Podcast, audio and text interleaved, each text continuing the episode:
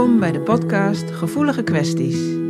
Mijn naam is Aafke de Vries en in deze podcast hoor je waar je als hooggevoelig persoon tegenaan kunt lopen en hoe je daarmee om kunt gaan.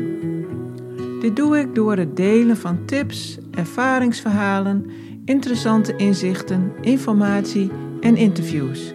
Om jou te helpen jezelf beter te snappen en blijer te worden met jezelf. Ik wens je veel luisterplezier.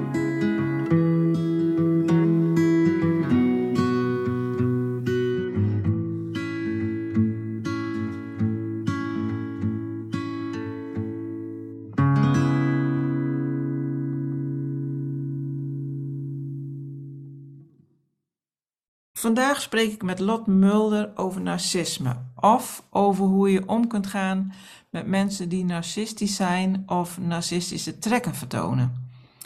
Lot is psycholoog en narcismecoach en ze heeft haar praktijk in Amsterdam. Uh, ze heeft zelf haar ervaringen uh, met narcisme, heeft een burn-out gehad en uh, paniekklachten en daar zal ze zo meteen vast nog wel iets over vertellen. Ik heb haar gevraagd voor dit interview naar aanleiding van een vraag van een luisteraar. Uh, want ik heb al een keer een aflevering gemaakt over narcisme. En waarom hooggevoelige mensen dat zo vaak tegengekomen in uh, hun relaties. Maar die luisteraar vroeg mij of ik er nog eens wat meer over zou kunnen vertellen. Nou, en aangezien ik er zelf geen ervaringen mee heb, uh, ben ik op zoek gegaan naar een expert op dit gebied. En zo kwam ik bij Lot uit en ze wou wel meewerken aan een interview. Dus hier zitten we dan. Welkom Lot. Dankjewel, superleuk dat ja, ik een expert mag zijn. Ja. ja, super. Ja, nou ja, misschien kun je ook eerst eens iets uh, vertellen over uh, hoe jij daarbij bent gekomen om uh, narcisme coach te worden. Ja, oké. Okay. Um, nou, ik heb psychologie gestudeerd, dus het was al wel een, uh, een interessegebied van mij, de, de psyche van de mens. Um, maar toen uh, ben ik dus niet klinisch psycholoog geworden en toen heb ik een iets ander leven gehad. Klinkt nu heel vreemd, maar ik heb gewoon een andere carrière gehad. En um, toen kwam ik dus in die burn-out terecht. En toen ging ik heel veel lezen uh, eerst over burn-out, daarna werd het weer wat breder, menselijke psychologie. En daarna kwam ik opeens op een artikel van, uh, maakt niet uit van wie, over narcisme terecht. En toen um, vielen opeens allemaal kwartjes, uh, omdat het artikel zo best wel heel helder en in verschillende fases een narcistische relatie beschreef. Ja. En ik herkende dat heel erg van mijn relatie, die toen al een tijdje voorbij was. Maar het was de eerste keer dat ik het echt op papier zag staan. En het leek eigenlijk alsof het over mij ging, maar het ging gewoon over iemand anders of over een standaard narcistische relatie. En toen uh, begonnen er allemaal kwartjes te vallen. Eén over die persoon zelf uh, met narcistische trekken. Maar misschien nog wel meer over mezelf. Omdat ik zelf heel lang in een twijfelfase heb gezeten. Um, en ik gewoon heel veel onderdelen van deze relatie en deze persoon gewoon totaal niet snapte. En ik mezelf ook een beetje was kwijtgeraakt toen in de relatie. Dus um, dat artikel is voor mij een soort van startschot geweest van heel veel informatie te gaan vergaren. En het is een beetje een mengelmoesje geworden van mezelf begrijpen, hem begrijpen, maar ook een soort mega obsessie en een soort um, positieve obsessie, een soort van geworden fascinatie, kan ik het beter noemen, ja. op het onderwerp. Want het was, ja, ja nog steeds, het voelt, ja, de goudmijn klinkt misschien gek, maar het is zo'n waardevolle informatie, vind ik. Omdat het voor mij zo waardevol was om dat van A tot Z te snappen. En het is voor mij nog meer een goudmijn in de zin van, omdat ik vind dat er ook heel weinig mensen echt het juiste hierover weten of heel veel over weten. En heel veel mensen daarbovenop hebben er last van. En vooral dus niet per se de mensen met narcistische persoonlijkheidsstoornis, maar de mensen eromheen. Tot aan lichamelijke klachten aan toe, extreme twijfels, kunnen heel lang in een situatie blijven zitten waar ze niet happy van worden, zijn. En um, ja, daarom vind ik het leuk en ook waardevol om uh, ja, mijn eigen ervaring, maar ook mijn überhaupt al mijn passie voor de psychologie. En daarbovenop nu, de, nou, ik heb denk twee jaar bijna een soort van een literatuurstudie gedaan. Ik had die burn-out, ik ging niet werken, kon niet werken. En toen kwam die fascinatie in mijn leven in. Ik denk dat ik echt twee jaar bijna uh, alleen maar literatuurstudie heb gedaan over narcisme om het te begrijpen. En toen dacht ik, ja, hoe tof om dan die passies en die kennis die ik inmiddels heb, om te draaien naar iets positiefs. Ja. Ja, heel goed, mooi. Ja, zo gebruik je je eigen uh, ervaring ook weer om anderen te helpen, hè? Ja. Ja, en je noemde eigenlijk ook al één ding volgens mij in, dat je zei van ik was mezelf een beetje kwijtgeraakt of helemaal kwijtgeraakt. Volgens mij is dat ook wel echt wel een van de veelgenoemde kenmerken, hè? Dat je jezelf kwijtraakt, dat je zo aan jezelf gaat twijfelen en ja, dat, dat, dat, uh, dat je echt het uh, gevoel krijgt dat het allemaal aan jou ligt, zeg maar. Of dat je je wel zal vergissen of zo. Ja, ja, dat was heel erg mijn comfortzone ook. Van het ligt wel aan mij. En um, dat in een narcistische situatie meteen de diepte in te duiken, wordt dat gevoel ook herbevestigd. Heel erg. Dus ook om het brugje meteen naar HSP'ers te maken, die, die voelen zich ook wel vaak heel erg verantwoordelijk. Um, voor alles, het wel en wee in de relatie, de harmonie, dingen die misgaan. Uh, hebben soms ook mega zelfreflectie. En iemand met narcistische persoonlijkheidsstoornis wil niet, geen verantwoordelijkheid krijgen of nemen nergens voor. Dus dan ontstaat er vaak ook een enorme dynamiek van het ligt aan de, de andere persoon. En HSP'ers zijn misschien nog wel meer vatbaar voor dan een niet-HSP'er. Um, en dan kom je in een mega dynamiek terecht die eigenlijk niet leuk is. En een grote dosis, als er dingen misgaan, dan zal het wel aan mij liggen. Ja. En dan, daar kom je vaak dan uh, ja, niet heel, hoe noem je dat, bekaaid, uh, bekaaid vanaf. Redelijk bekaaid vanaf. Als je dan uiteindelijk om welke reden dan ook de relatie stopt. Dat je echt uh, ja, weer stukjes, puzzelstukjes van jezelf moet gaan oprapen en vinden. Of brokstukken, beter gezegd. Brokstukken moet gaan vinden van jezelf. Ja, ja en, en um, ja, je noemt het uh, narcistische, narcistische, nou, narcistische persoonlijkheidsstoornis. Ja. En, um, ja, dat is eigenlijk ook uh, meteen wel een vraag van een, van een uh, Instagram-volger. Die, die zegt van ja, wat is nou eigenlijk precies het verschil uh, tussen die benamingen? Hè? Dus je hebt uh, het woord narcisme, maar je hebt ook iemand met narcistische trekken. Dat, wordt, dat hoor je ook vaak. En ja, ja um, jij noemt het narcistische persoonlijkheidsstoornis. Ja. Um, ja, zit daar nou verschil tussen? Want ik denk van wel, maar um, ja, ik, ik nogmaals, ik heb er niet zoveel ervaring mee. nee. Um, nou, ik zeg vaak om veilig te zijn narcistische trekken, omdat de meeste mensen met narcistische persoonlijkheidsstoornis de diagnose niet hebben. Dus dan kan je officieel niet zeggen dat iemand een stoornis heeft. Dus dan is het veiliger om het over de trekken te hebben. Los van of iemand een stoornis heeft of niet. hey, we hebben het nu over narcistische trekken. Dus dat is vaak hoe ik ook met klanten of überhaupt probeer te praten. Um, en een narcistische persoonlijkheidsstoornis, ja, dat is gewoon een persoonlijkheidsstoornis. Dus dat is uh, hoe psychologen en psychiaters werken. En dan voldoe je aan een lijstje van kenmerken. En uh, nou ja, jij kent dan ook het DSM. Jij hebt ook uh, in die hoek gewerkt. Dus er is een handboek voor psychologen. Er staan negen kenmerken in van de narcistische persoonlijkheidsstoornis. En door middel van observatie kan een psychiater na een aantal gesprekken het labeltje plakken of geven. Ja. Narcistische persoonlijkheidsstoornis. Um, maar er lopen heel veel mensen op deze wereld rond, denk ik, met wel de stoornis, maar geen diagnose. En dan is het natuurlijk misschien handig om uit te leggen voor een leek. Maar wat maakt dan het verschil? Want iedereen heeft narcistische trekken. Ik ook, jij ook. Iedereen op deze wereld is af en toe een beetje narcistisch. Heeft een trekje her en der. Um, maar wat maakt het dan dat je kan doorschieten naar de persoonlijkheidsstoornis? En als je het mij vraagt, is het zelfinzicht. Ja, als ze niet kunnen reflecteren of ja, dan niet, niet uh, misschien uh, kunnen zien dat, dat iets aan hun ligt of dat ze er iets aan zouden kunnen veranderen. Voilà, ja. Dan, uh, ja, dan, dan zijn het niet gewoon trekjes meer, maar dan is het probleem wat groter. Ja, en dan kom je dus ook op de, aan de andere kant terecht, waarbij het bijna chronisch en dus erger wordt. Dat het continu erger wordt. Oké, ja. want er is al iemand met narcistische trekken, dus bijvoorbeeld egoïstisch of geen empathie, kan zich niet verplaatsen in anderen.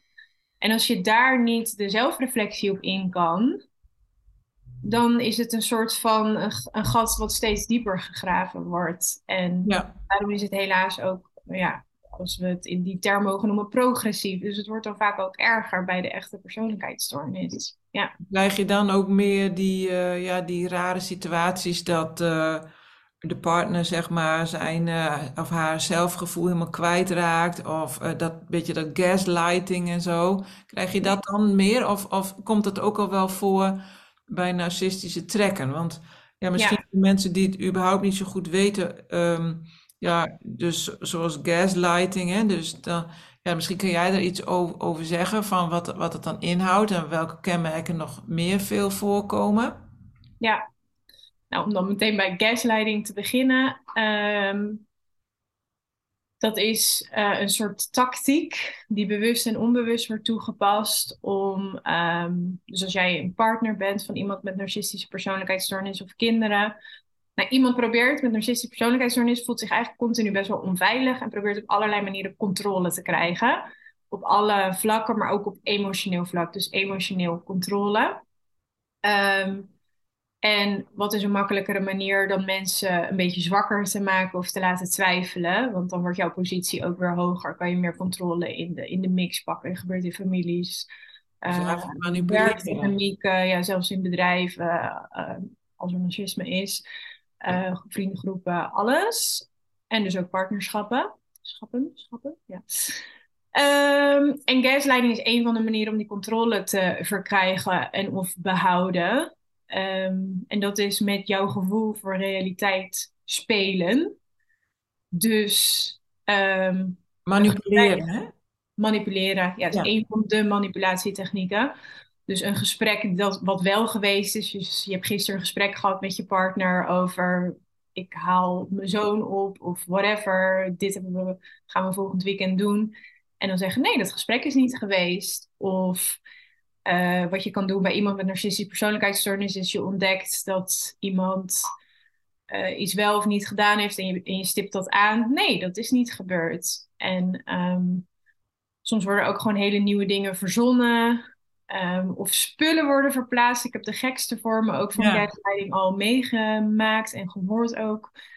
Um, dus alles wat jouw gevoel voor realiteit kan schaden. Maar dus ook bijvoorbeeld, ja, echt dat je autosleutels bijvoorbeeld verplaatst worden. Of dat iemand uh, een merk van jouw make-up doekjes verandert. Dus dat je zeker weet dat je een bepaald merk hebt gekocht. En dat opeens het zijn wel nog steeds de doekjes, maar het is een ander merk. Dus dat je echt zelf gaat denken dat je echt gek aan het worden bent. Ja. De gaslighting zelf komt natuurlijk uit het uh, voorbeeld dat iemand de gaskraan, dat is een, uh, soort oud voorbeeld, dat iemand de gaskraan continu open en dicht draait. Die vrouw ook denkt dat ze gek aan het worden is, want zij denkt ik draai hem steeds dicht.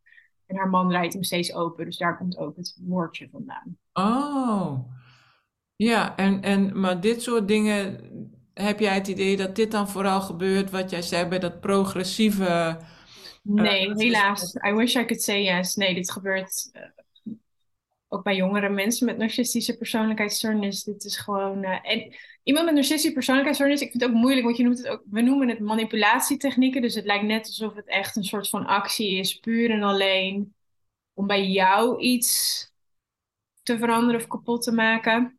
Maar weet ook dat iemand met narcistische persoonlijkheidsstoornis een soort van continu aan ontwijking van de realiteit doet. Ook voor hem of haarzelf. Omdat dat te, te confronterend is of... eh, Ja, ja, en er is een soort van chronisch, continu inferioriteitsgevoel, wat niet gevoeld wil worden. Dus nog een mooie test voor iemand met narcistische persoonlijkheidsstoornis is iemand feedback geven of op een foutje, klein of groot. Weet je, het kan alleen al zijn, uh, je hebt de pasta een minuutje te lang gekookt. Uh, klein of groot te, um, confronteren of het alleen al te benoemen.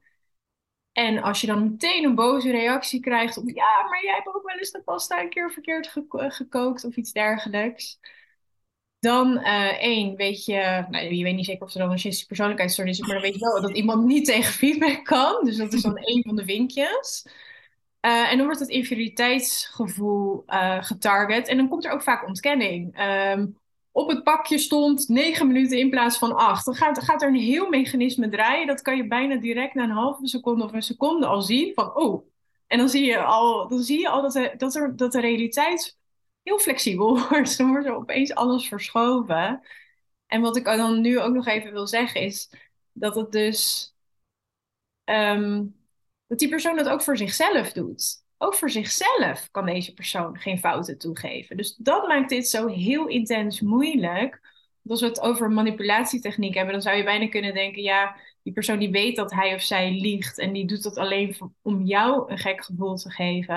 Maar deze persoon zal ook fouten aan hem of haarzelf niet kunnen toegeven. Dus dat, dat maakt het heel moeilijk. Maar een van deze effecten of gevolgen van, van realiteitsontduiking, kan je het bijna wel noemen, is dat jij ook het gevoel hebt dat je gek aan het worden bent. Want deze persoon doet nooit wat fout, maar je ziet wel fouten. Hm?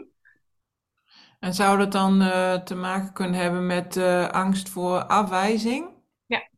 Maar, maar dus ook um, dus afwijzing door een ander, maar dus blijven ja. ook zelf uh, niet durven falen of zoiets? Nee, dat ook niet aan zichzelf kunnen toegeven.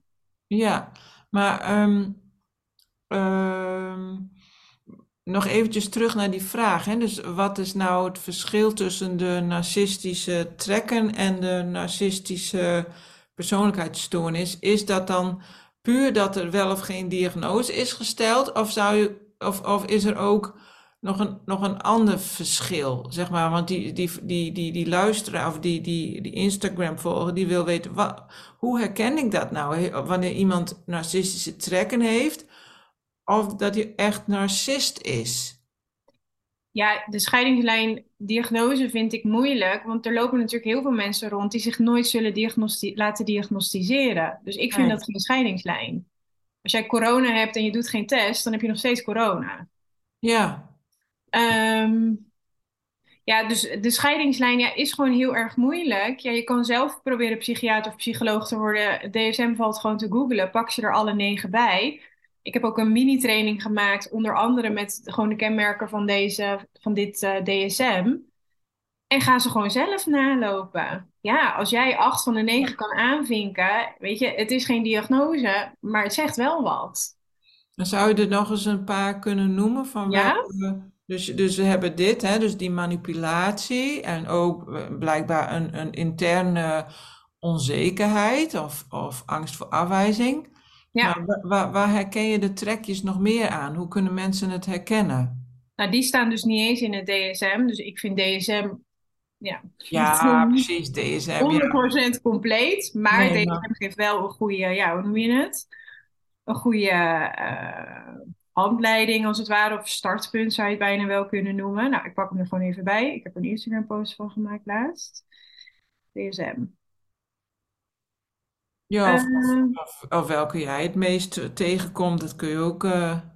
Ja, um, wil zich alleen uh, associëren of koppelen aan instanties of mensen van status. Dus je is ook ja. altijd heel erg bezig met ik ken dit of ik heb ooit gegeten bij of dat. 100% gebrek aan empathie. Kon zich niet verplaatsen in anderen. Um, dan een, nog eentje die niet in DSM staat, maar kan geen gemeend sorry zeggen. Vind ik altijd wel een mooie. Dan hmm. nog eentje die niet in DSM staat, gaat niet goed op een nee. Dus als de, iemand met narcistische persoonlijkheidsstoornis iets aan je vraagt en je zegt gewoon nee, punt. Dat ja. dat niet wordt geaccepteerd of heel moeilijk over gedaan wordt. Ja. En dan, krijg je, dan krijg je weer die, ja, ja, ik breek even in hoor, maar dat, dat schiet me dan te binnen. Maar dan krijg je die dynamiek met een, uh, HSP'en, wat, wat uh, daar hoor ik natuurlijk heel vaak van, ja, uh, please gedrag vertonen en over, over je grenzen gaan. En aan, als dan, uh, als het zo is dat jouw partner narcistische trekken heeft en geen grenzen accepteert, en allemaal het wil op zijn of haar manier, dan, dan is dan natuurlijk, dat is dan logisch dat die dynamiek elkaar, of tenminste, ja, dat het door voor de HSP'er moeilijker wordt om Ja. aan te geven en om uh, geen please gedrag te vertonen. Ja. Ja, het is intens ingewikkeld, deze twee mensen bij elkaar. En er is een bepaalde aantrekkingskracht, dat ook wel weer. Maar in de praktijk ehm, ja, is het juist heel moeilijk voor een HSP'er die extra veel grenzen nodig heeft om zich eh, ja, staande te houden bijna. Eh, naast iemand met narcistische persoonlijkheidsstoornis of trekken.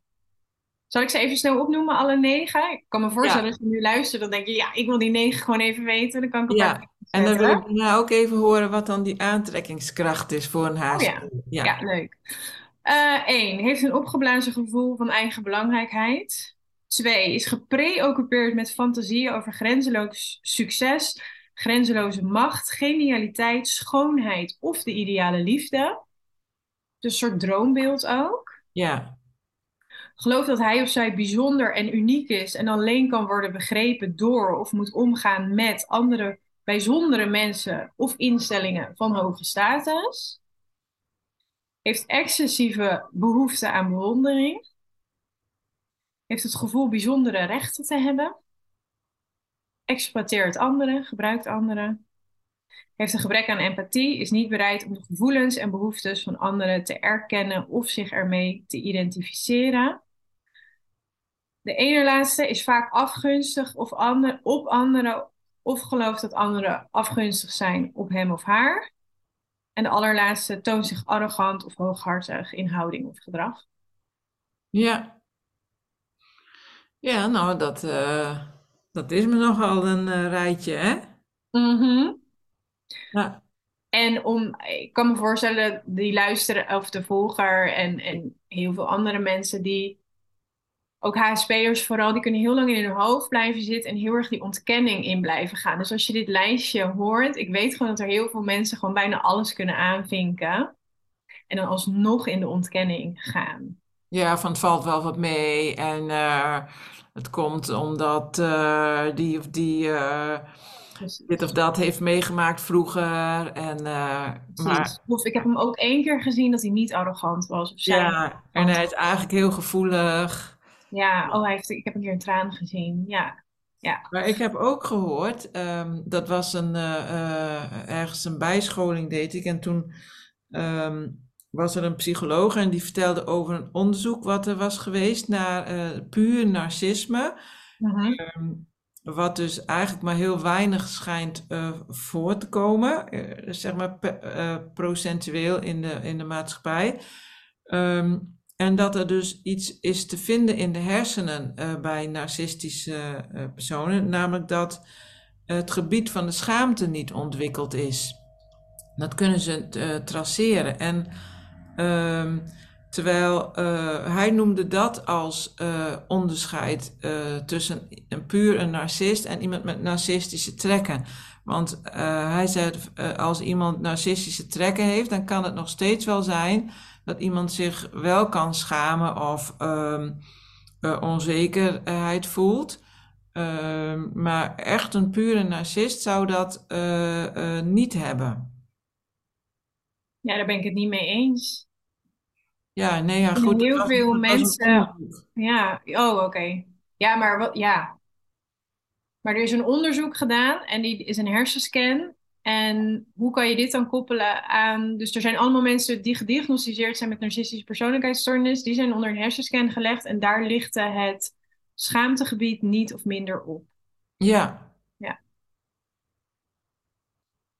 Ik heb het gevoel dat er juist heel veel schaamte is. Want er worden ook dingen, maar ja, misschien is dat meer imagotechnisch dan. Want er worden heel veel dingen weggehouden. Maar misschien is dat meer gewoon PR en propaganda. Dat het gewoon niet sociaal acceptabel is en dat dat labeltje eraan hangt. En dat misschien het gevoel, want dat zou best wel eens kunnen, het gevoel schaamte er niet is. Maar ja, ik heb wel echt veel schaamte gezien bij ook mensen met een diagnose. ja, En juist extreem veel schaamte af en toe. Juist echt intens. eh, misschien nog wel meer dan een, niet, een persoon ja. narcisme. Dat het, dat het bijna funest is als ze dat echt zouden laten zien. Ja, Dat ze dat niet durven. Dat nee, ze dat daarom, ook. Dat dat, ook. dat ze daarom zo compenseren met Ja. ander gedrag. Ja, het is eigenlijk eerder nog, als je mij vraagt, een continue schaamte van zichzelf. Ja, Ja, wonderlijk hè. Dus eh, ik vond het ook een heel frappant eh, onderzoek. Want ik weet wel van een ander onderzoek, want die jij nu zegt heb ik nooit eh, gelezen. Ik weet wel een ander onderzoek waarbij ze plaatjes lieten zien die bij sommige mensen empathie zouden om, oproepen. Dus ze hebben neurotypische mensen en mensen met narcistisch persoonlijkheidsstoornis onder een hersenscan gelegd. En dan lieten ze fotootjes zien van schattige konijntjes bijvoorbeeld. En bij de neurotypische mensen ligt er dan het, nou, ik weet niet eens of dat dan empathie was. Maar er dan iets op? Ik weet niet eens wat. Voelden ze misschien ook wel dope? Ik weet niet wat voor test dit was. Ik, eh, goed verhaal.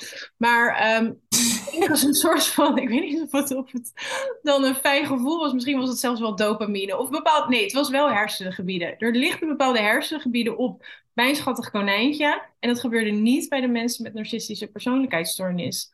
ja, En ik weet niet, volgens mij werd er een link gemaakt naar empathie, maar ik weet niet precies welk hersengebied het was. Maar ik ja, heb dat van, oh, dus dat gevoel. En daar kan ik me wel heel erg in vinden. Ehm, omdat bijvoorbeeld als je ook kijkt hoe ze omgaan met huisdieren of hun eigen kinderen zelfs al. ja, Je kan zien, of het is aangeleerd om te zeggen, oh schatje, je bent gevallen en je knie doet pijn. Maar het is niet dat het, dat het automatisch komt. Dus een HSP'er die zou er heel anders op reageren op een eh, een schattige puppy of een kindje ja. wat op de knie valt, dan iemand met narcistische persoonlijkheidsstoornis. Ja, dus dan voel je eigenlijk dat iemand het niet echt meent of dat het meer sociaal wenselijk gedrag is wat aangeleerd is. Ja, Ja, en dat klinkt, in mijn, eh, ja, als ik dat zo beluister, vind ik het soms ook wel een beetje eng klinken. dat is het ook. Het is doodeng. En er zit ook een overlap. Niet iedereen met narcistische persoonlijkheidsstoornis heeft ook psychopathologische kenmerken, maar er is een kleine overlap ook. Ja, daar is het geweten niet echt goed eh, ontwikkeld. Dan ga je echt naar een psychopaat. Dat is natuurlijk Ja. de ergste vorm. Ja, En als je het hebt over geen schaamte voelen, dan denk ik eerder aan een psychopaat. ja, ja. En Nou, hij, hij, iedereen met narcistische persoonlijkheidsstoornis, gelukkig maar, niet iedereen met narcistische persoonlijkheidsstoornis is psychopaat. nee, precies, zeker. Nee, hij noemde dat echt het verschil dat bij een, eh, bij een narcist was dan de schaamte niet ontwikkeld en bij een psychopaat ook de schaamte niet, maar ook het geweten niet. Dus dat het dan toch nog weer een graadje erger was. Ja, oh, da- daar kan ik me ook wel in vinden. Want ik heb ook best wel wat klanten die ook bang zijn, omdat narcisten ook vaak dreigen met fysiek of lichamelijk of whatever geweld. Ja, Ehm, en gelukkig kan ik heel vaak zeggen dat het alleen bij een dreiging zal blijven. Tuurlijk, ik heb nooit de waarheid in pacht en iedereen kan af en toe wel eens een kronkel krijgen. Maar uit mijn ervaring is echt 99,9% van de tijd gaat iemand met narcistische persoonlijkheidsstoornis, die geen psychopathie trekken heeft, gaat iemand met narcistische persoonlijkheidsstoornis niet echt de grens over, van de wet overtreden. Dus dat, dat ben ik met jou eens, dat dat geweten, ja, ondanks dat we het niet voelen, het geweten is er wel, gelukkig. ja. En dat het puur onmacht is om zo te, te dreigen, zeg maar. Precies, dat is gewoon die controle. Van als je nu bij me weggaat of mijn kinderen bij me weghaalt, dan, dan, nou ja, ik heb de ergste verwensingen en dreigementen gehoord. Zelf, maar ook via mijn klanten. Ja. Ja, en wat is dat dan eh, eh, wat een HSP'er aantrekkelijk vindt aan een, iemand met narcistische trekken? Of, Ja, ja, ehm, ik denk dat er zoveel schijven hier overheen gaan. Ehm, nou, HSP'ers voelen heel veel. Die vinden het ook ergens wel lekker eh, om heel veel te kunnen voelen. Narcist is toch wel een, vaak een getraumatiseerd persoon. Dat kan je zien of voelen als HSP'er. HSP'er heeft ook vaak een stukje van die identiteit gemaakt om dingen op te lossen voor ja, anderen. dan vind je dat interessant en dan wordt het een project. niet. ja, dus de narcist die heeft nog meer problemen en help. En ik heb daar moeite mee. Ik ben zo onzeker en ik heb zoveel aandacht nodig. Nou, eh, sommige HSP'ers die eh, springen er dan bovenop, letterlijk of figuurlijk. En eh, ja, dus, dus het, het, een mens met een trauma die voorbij loopt, die een beetje, vaak zijn narcisten ook een beetje zo gepijnigde zielen. Vaak geven ze ook een beetje de air van, ehm, ja, ze willen graag geholpen worden. En dan, ehm, als ze maar even geholpen worden, dan beloven ze ook gouden bergen. Dus dan beloven ze ook, ehm, dan gaat het echt fantastisch worden daarna. Dus ik heb even wat aandacht en hulp en ongelimiteerde affectie en dit van je nodig. En dan, en dan wordt er ook vaak een soort van droomplaatje ge, voorgespiegeld. En ik denk dat Maar dat misschien ook wel heel spannend is voor iemand met HSP. Geen idee. maar eigenlijk is dat wel een beetje verwarrend wat je nu vertelt, want, want ehm, die, die hele lijst van die DSM, die doet vermoeden dat iemand heel zelfverzekerd overkomt en, eh, eh, weet je wel, eh, ja, zelfverzekerd vooral, en, maar niet eh, iemand met problemen. Nee. En het is ook verwarrend. Ja. Ja, en het is ook een façade. En het is, het is, en dat is Is misschien wat de er zo spannend aan vindt, omdat het zo ongrijpbaar is. Inderdaad, je ontmoet iemand vaak. Eerste, eerste, heb jij ervaring met narcisten? Nee, dat, dat zei Nee, ik wat eigenlijk niet echt. Ja, ik, niet. Oh, ik heb wel het idee dat, dat eh, eh, eh, ik het heb meegemaakt in vorm van management. Oké, Dus daar heb ik wel dat gaslighting effect ervaren. ja, Eh, ehm, dat het allemaal aan mij lag, weet je wel. Dus ehm, dat. Maar niet op die manier. Maar dus de eerste indruk is dat dan dat, dat iemand wel juist zelfverzekerd ja, overkomt of vaak wel. Dus ik weet niet of, of, of oh je ja. erin in wil gaan op deze management persoon of personen, maar misschien kan ik jou vragen. Eén persoon komt misschien nu het meest naar voren bij jou.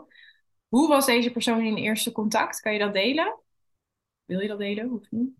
Eh, nou ja, ik denk wel dat het het hele, eh, het hele managementstructuur is, zeg maar. Oké. Maar ehm, ja, die personen zijn daar natuurlijk wel bij uitgezocht. Ja, die komen wel, eh, ja, ge- inderdaad, gewoon ehm, eh, eh, zo vriendelijk over, hartelijk, weet je wel. eh, Ja, Ehm, ze staan wel stevig in hun schoenen en ze doen nog, ze, ze doen nog heel aardig, zeg maar, als er nog niks aan de hand is. in het begin, precies.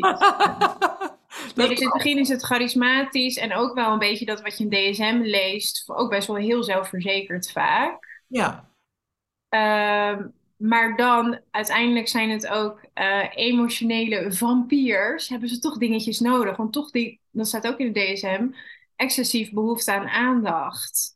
Dus er gaat op de een of andere manier, of het op X of Y is, toch een request gedaan voor jouw aandacht. Ja nou, ik, heb, ik heb het ervaren, maar ik weet dus niet zeker of dat dan narcistisch is, maar ik heb het ervaren als eh, dat zij eh, heel erg de controle wouden. Dus zeg maar. ehm, Hmm, ja, Dat heb ik heel erg gemerkt van ehm, ehm, als ik dan niet precies deed eh, wat zij wouden of wat ze van mij, eh, wat de verwachting, of dat ik niet precies deed wat de verwachting was. ja. Eh, eh, hè, nou ja, die zin klopt niet helemaal. Nee, ik begrijp Maar bedoelt. ehm, ja, dan eh, werden ze steeds eh controlebehoeftiger en, en Ja, werd- ik werd steeds meer ingeperkt, zeg maar. Er kwamen ja, steeds meer regels. Ik, ik, en en ehm, eh, ik werd steeds meer in het nauw gedreven, weet je wel. Maar dat lag dan allemaal aan mij, ja, hun. ja. Ja, dat is een narcistische werkgever. Ja. En dan ehm, heb jij dus niet de, ehm, jij bent niet in de rol gezet om excessief aandacht te geven. Dit was gewoon, ze wilden jou controleren. Ja, Het moest vooral geen probleem worden. Ja, heb- ja, ja, niet om, niet eh, aandacht volgens mij. Nee, dat, dat niet. Ik moest gewoon doen, eh, eh, eh, ja, het was gewoon, zeg maar, bovenstaand. Het was heel gewoon, hiërarchisch. Ja, ja, hiërarchisch ja, en... ja, Maar wel iedere keer heel erg, eh, zeg maar, als je het hebt over emotioneel of psychisch of zo, op mij inspelen op een, op een, op een achterbakse manier. Achteraf heb ik dat allemaal pas gerealiseerd. Achterbaks ja, of, of geniepig, of hoe noem je dat? Eh, eh, dat ik steeds meer aan mezelf ging twijfelen. Van, oh ja, misschien, ja, eh, inderdaad, ja, misschien heb ik wel helemaal niet goed aangepakt. Of weet je wel, ja. steeds meer zo. Maar dan ga je in wezen ook meer geven. Dus dan is het misschien niet in een liefdesrelatie aandacht of andere dingen. Maar jij gaf in werk en productiviteit, ging je jezelf misschien rond in de, rond in de toer werken. Ja, dat wel, ja. Ja. Dus dat is dan weer iets anders. Dus ja, Het is in een liefdesrelatie is het vaak aandacht of andere dingen. Ehm, ik weet niet, niet eens meer hoe we hier kwamen. Jawel, van, van, ja, van, van eh, eh, wat, eh, hè, zeg maar wat eerst de indruk is Oh en, ja, en dat het zo wisselend dat, is. dat Ja, op een gegeven moment zich ja, presenteert als iemand die veel ja, aandacht nodig heeft en problemen heeft. Maar dat is ja. misschien dan ook een, een manier om, ja, Precies. Ja, dus er om is vaak een, een, een perfecte buitenwereld. Dus dat noem ik ja, een schil. En dan, nou ja, het is een schil, dus net als een appel. Een schil is dun, is alleen aan de buitenkant. En de rest is gewoon iets anders. En dat is vaak toch wel kwetsbaar. Hoe dichterbij je komt in een liefdesrelatie, zie je dat nog veel meer dan in een werkrelatie. Bij een narcistische manager zie je misschien nooit die kwetsbaarheid. Nee. Ehm, maar die zijn er beide, dus dat maakt het misschien ook juist zo interessant. Tenminste, als ik voor mezelf mag spreken, ik vond dat heel interessant. Iemand die aan de buitenwereld helemaal perfect leek. En dan toch wel een kwetsbaar hartje had. En een beetje getraumatiseerd, want dat voelde ik dan weer als HSP'er. Nou, voor mij was dat een cocktail die heel aantrekkelijk was. Nu niet meer, nou ja, af en toe. Ik ben er nog wel eens ingetuind daarna. Maar ehm, dat was toen voor mij echt een heel aantrekkelijke cocktail. Maar het resultaat is wel dat het altijd over die ander gaat. Precies. En een, en een HSP'er vindt het soms ook heerlijk om niet met hem of haarzelf bezig te zijn. Ja, Ja, dat is waar, ja. ja, Ja, en, en, eh, maar wat zegt het dan over die HSP'er dat, dat, dat die zo'n relatie kiest? Hè? Is het dus de- inderdaad het vermijden om, om met jezelf bezig te zijn? Of is het eh, nou, dat je dan toch misschien wel een beetje ja, optrekt aan die ander of die ander ja, bewondert of zo? Van, goh, ja, wat een sterke persoonlijkheid en wat kan die goed met andere mensen omgaan en sociaal zo makkelijk of zo? Terwijl ja. HSP'ers die, die zijn daar vaak juist wat, eh, ja, wat eh, Ja, te, kan je lekker aan hangen, denk je in het begin. Oh, dat dacht ik wel. Ja, tot ik kwam verschuilen. dat het niet kon, maar ja, ja, ja. Ja, en, en, en wat levert het dan zo'n eh, narcist op, zeg maar, om met zo'n HSP'er om te gaan? Is dat dan, nou ja, die, vooral die aandacht krijgen en dat makkelijk meebewegen en zo? Ja, een perfecte voedingsbodem voor anything. HSP'er kan je aan het lachen krijgen, kan je aan het huilen krijgen. Het is vaak best wel eh, makkelijk om een emotionele reactie bij een HSP'er te ontlokken. Ehm, en mensen met narcistische persoonlijkheidsstoornis, die vinden dat heel erg fijn. Een soort van continu bevestiging, ik besta. Dus continu Oh, menselijke reactie op hem, op zijn of haar bestaan. oh, Dat er ook een soort leegte wordt ervaren continu. Steeds een bevestiging. Ja, want ik dacht, nou, dan, dan verveelt het toch heel snel als je, als je iemand zo goed kan manipuleren. Maar het is dus steeds inderdaad een, eh, bevestiging van ik, ik besta en ik doe het goed en ik heb iemand eh, die. Ja, dus ook die continue bewondering. eh, ja, en HSP'er is daar best wel goed in. Ja, Ja, oh ja. Oh, mooi. En ehm, ik heb ook wel eens gehoord dat het wel eh, verward kan worden met autisme. Heb je dat ook wel eens eh, gemerkt? Dat, dat, om, omdat mensen met autisme kunnen soms ook eh, nou, eh, meer met zichzelf bezig zijn dan met een ander. Dat is niet altijd zo hoor. Dus ik wil helemaal niet eh, nee, vind ik ook niet. alles over één kam maar, maar dat Nee. komt wel eens voor. Of dat, of Het is dat, ook het stereotype van autisme, volgens mij. Dat een autist ja. empathie heeft en heel weinig met anderen bezig is. Terwijl er zat autisten zijn waar dat niet voor geldt. Maar ja, Ja, zeker bij vrouwen is dat eh, ja, een groot verschil. En, en eh, tenminste, dat heb ik daar wel van begrepen, dat bij mannen dat wel wat vaker voor kan komen, dat die dan wat minder empathisch eh, kunnen zijn. Maar dat hoeft, hoeft niet zo te zijn. nee. Maar, maar het Ik heb zelf namelijk ook heel veel autistische trekken en ik ben wel empathisch. Ja, precies. En dat is natuurlijk ook de overlap met hooggevoeligheid. En dan heb je eigenlijk automatisch autistische trekken.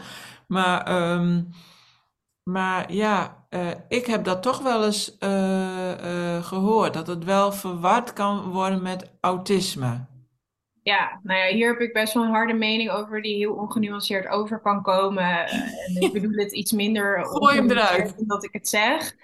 Heel veel mensen met narcistische persoonlijkheidsstoornis zoeken een excuus om niet dat mensen, dat is ook gaslighting, dat mensen niet in het juiste padje gaan komen van hé, hey, misschien is er narcisme aan de hand. Dus ze geven zichzelf best wel vaak een diagnose die erop lijkt, maar het net niet is. En autisme wordt daarvoor gebruikt en nog een aantal andere. Maar autisme is wel een veel gebruikte. Want dan kan je zeggen, oh maar nee, maar ik heb autistische trekken. Dat is iets minder erg dan narcistisch. De meeste vrouwen scheiden niet van jou als je zegt ik ben autist. Maar wel als je zegt narcist. En je hebt direct een excuus voor ik heb geen empathie. Of ik ben af en toe wat raar. Of ik heb wat tijd voor mezelf nodig. Dus wordt best wel vaak gebruikt. Zal het een keer, zal het soms ook echt verkeerd gediagnosticeerd worden door een psycholoog of psychiater? Nou, dan denk ik dat je werk een beetje verkeerd doet, maar het zou best kunnen. Ja, maar ja, je noemt wel een aantal dingen die toch wel een beetje op elkaar lijken. Dus ik snap, Ja, ik snap het ook wel. ja, ik snap het ook wel weer. Ja, Ja, ja, en, en, en ja, ik heb wel ehm, ook eh, een tijdje op zo'n afdeling gewerkt met mensen met eh, autisme. En, en wat je ja oh, dan nou, misschien kan jij, jij, jij hebt hier meer ervaring in dan ik. Jij kan het beter zeggen, denk ik. Ja. Ja, maar en toen, ik was toen nog niet echt met dat narcisme zo bezig. Maar Hmm. ehm, eh, ik weet gewoon wel, als ik, als ik dat een beetje terughaal, dat mensen met ehm, autisme, als ze dus hoog in de spanning zitten, het spanningsniveau is hoog, dan blokkeert echt heel veel, weet je wel. Dus dan, dan, dan is er ook echt geen ruimte om eh, empathisch te zijn, terwijl ze dat wel kunnen zijn, maar op dat moment niet. En, Nee, en dan kunnen ze bot zijn of dan kunnen ze eh, heel erg eh, hun eigen plan trekken en dan moet het per se zo. Het moet per se zo, het moet op hun, manier.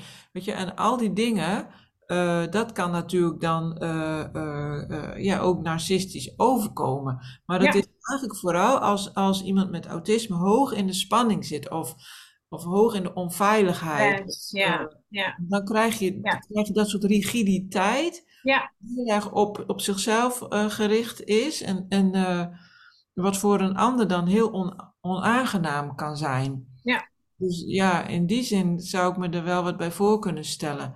ja, dan, dan heb je gewoon meer tijd nodig om zo iemand te leren kennen, om te, om te weten van ja, wat speelt hier nou eigenlijk echt en wat is er nou eigenlijk echt aan de hand. ja. Nee, Dus precies. Dus ja, dat is denk ik echt het mooie. Tenminste, tijd is echt nodig voor een juiste diagnose. ja, Als hulpverlener voldoende tijd neemt om iemand echt goed te kunnen observeren, dan weet je waar die rigiditeit vandaan komt. Of ja, narcisme of autisme eronder ligt. En ik ja, denk dat het dan wel mooi is om nu even ehm, de huistuin- en keukentip te geven van wanneer onderscheid je nou eh, autisme van narcisme. Ehm, en een autist doet het om zichzelf te beschermen en echt onkunde. En iemand met narcisme, die kan er echt een vleugje manipulatie bij doen. Dus echt iemand, ehm, nou bijvoorbeeld dat gaslighting, echt verkeerde informatie geven. Ja, mij, correct me if I'm wrong, iemand met autistische persoonlijkheidsstoornis doet dat niet, dat nee, manipuleren. nee, klopt. Ja, mooi. Dat is een heel mooi onderscheid. Ja. Ja, En je zegt net ook over autisten dat ze ehm, het vooral op zichzelf richten. Dus het is echt ja, een soort zelfbehoud, zo zie ik het. Iemand met autisme die richt het op zichzelf. En tuurlijk, als je ernaast staat, komt het heel egoïstisch over. Of er is in ieder geval geen aandacht voor jou. Maar iemand met narcistische persoonlijkheidsstoornis en deze persoon voelt zich slecht, dan kan jij soms de emotionele of letterlijke boksbal wel worden. Dus soms ja, bij narcisme, of nou vrouwen of mannen zijn, wordt het vaak wel weer op andere mensen neergelegd, zodat ze het zelf niet hoeven voelen. Ik heb het gevoel dat iemand met narcistische eh, eh, autisme, pardon, dat niet doet. nee, ja, klopt. Ja, Mooi. dus dat is een onderscheid. Ja, hey, en er was nog een vraag van een Instagram-volger die zegt van, nou, als je nou toch eh, contact moet houden met iemand, hè, dus zoals Ja, bij een narcistische vader bijvoorbeeld, ja, dan, dan, ja, een keuze heb je misschien altijd wel, maar ik snap de vraag wel. Eh, hoe doe je dat dan eh, zonder steeds daar last van te hebben of overroeld te worden? ja. Nou ja, moeten hoeft, hoeft nooit. Je Nee, hoeft geen contact te houden met zo iemand. Ik heb ook wel eens een coach gehad die ook zei over eh, narcisme in de relatie- en familiesfeer. Van als je deze persoon zou ontmoeten nu, zou je hier dan een, eh, zou je deze persoon dan in je leven willen houden? Weet je, als het niet meneer of mevrouw X of Y was. En als je dan het antwoord nee zegt, ja, dan heb je ook wel, denk ik, een belangrijk antwoord.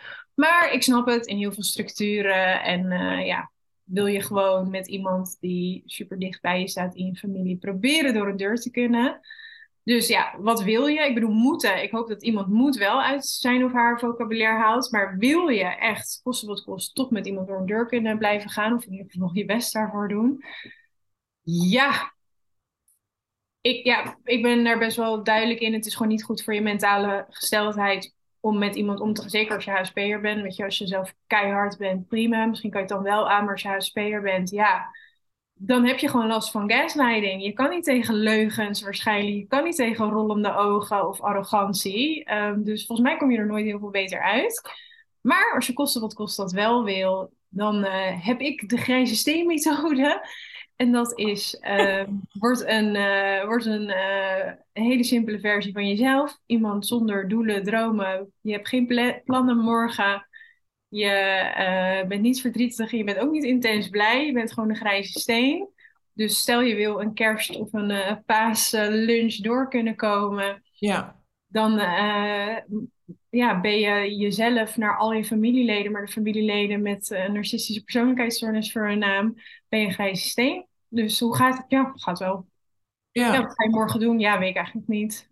Ja, Ga je nog op vakantie? Nee. Zo, zo weinig mogelijk geven, zoveel mogelijk je aandacht uh, binnen jezelf houden. Ja. Ook, en ik denk ook uh, zoveel mogelijk beperken, zeg maar, qua ja. tijd. Dus uh, dat je zegt van, nou oké, okay, ik ga wel naar, naar een visite of zo. Ja. Maar dan ga ik bijvoorbeeld anderhalf uur en dan ga ik weer. Dus dat je van tevoren ook weet hoe lang je het vol moet houden, bij wijze van spreken. Ja. Dat je, en dus die, dat je die grenzen zelf al een beetje bewaakt. Ja, en niet bij mensen in huis gaat slapen of logeren, dat je dan een hotel boekt. Of uh, misschien heb je een leuk nichtje of neefje of broer of zus en die bespreek je even dat je een beetje elkaars uh, je seintje geeft en dat je elkaar dan even, even een rondje buiten gaat lopen of zo. Als het even, ja. ja. Want heb jij het idee, uh, uh, ja, we zitten ook een beetje aan de tijd hoor, maar ja. nog even één vraag. Heb jij het idee dat um, als iemand narcisme heeft, dat er ook nog verandering mogelijk is? Of zeg je van nou, want dat gaat hier eigenlijk een beetje over, hè? van uh, verwacht er niet te veel van. Als je er een relatie mee hebt, uh, stop er zo snel mogelijk mee. Dat klinkt wat hard misschien, maar uh, is ja, dat... Is dat, dat... Is ja, dat is wel, ja, ja, dus niet zoveel verandering te verwachten.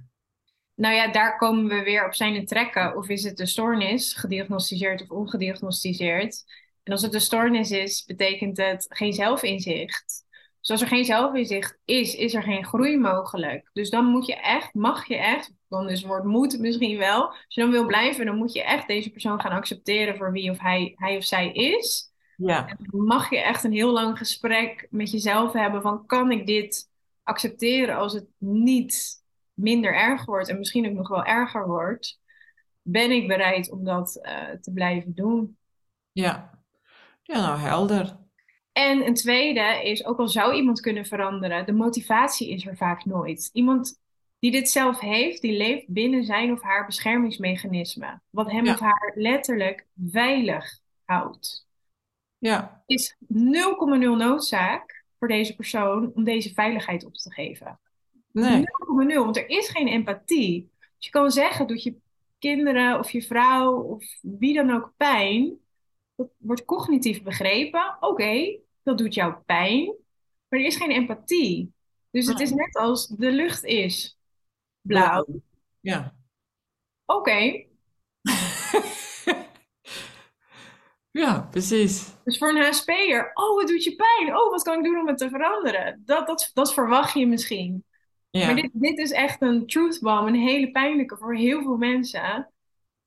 Die persoon, ja, je, er, je kan er ook geen waardeoordeel over geven. Die persoon die voelt dat niet. Nee, nee. En die heeft dus dat inzicht ook niet dat het anders zou moeten. Die heeft er geen noodzaak. Nee. Dus er zijn hele extreme gevallen waarbij iemand met een narcistische persoonlijkheidsstoornis wel naar een therapeut gaat, maar dan verandert er ook heel weinig, omdat het inzicht er vaak niet is. Maar dan gaat iemand wel. En wanneer iemand wel gaat, dat is wanneer en de werkgever niet meer met deze persoon wil werken en alle kinderen geen contact meer willen en de vrouw of man wil scheiden. Want dan wordt het in iemands voordeel. Want dan is het, oh, maar als ik nu naar een psycholoog ga en die drie of vijf of zes of 28 sessies ga hebben, dan krijg ik mijn werk of mijn baan of mijn vrouw of mijn status of mijn kinderen terug. Ja. En dan wordt er gegaan. Maar dan is het ook nog alleen gaan. Dan is het natuurlijk maar weer een tweede, zonder zelfinzicht, hoe ver je komt in Ja. zelfontwikkeling. Maar dus dat is hier, dat is Het eigen belang. beeld die ik af en toe moet geven aan mensen. Ja. Oké, nou en heb je dan misschien nog een laatste tip voor eh, als mensen in zo'n soort eh, relatie eh, zitten of zo? Of ja, Ja, heel veel tips. Wees lief voor jezelf. Wees super lief voor jezelf. Probeer die knop voor liefde aan jezelf op 500% aan te zetten.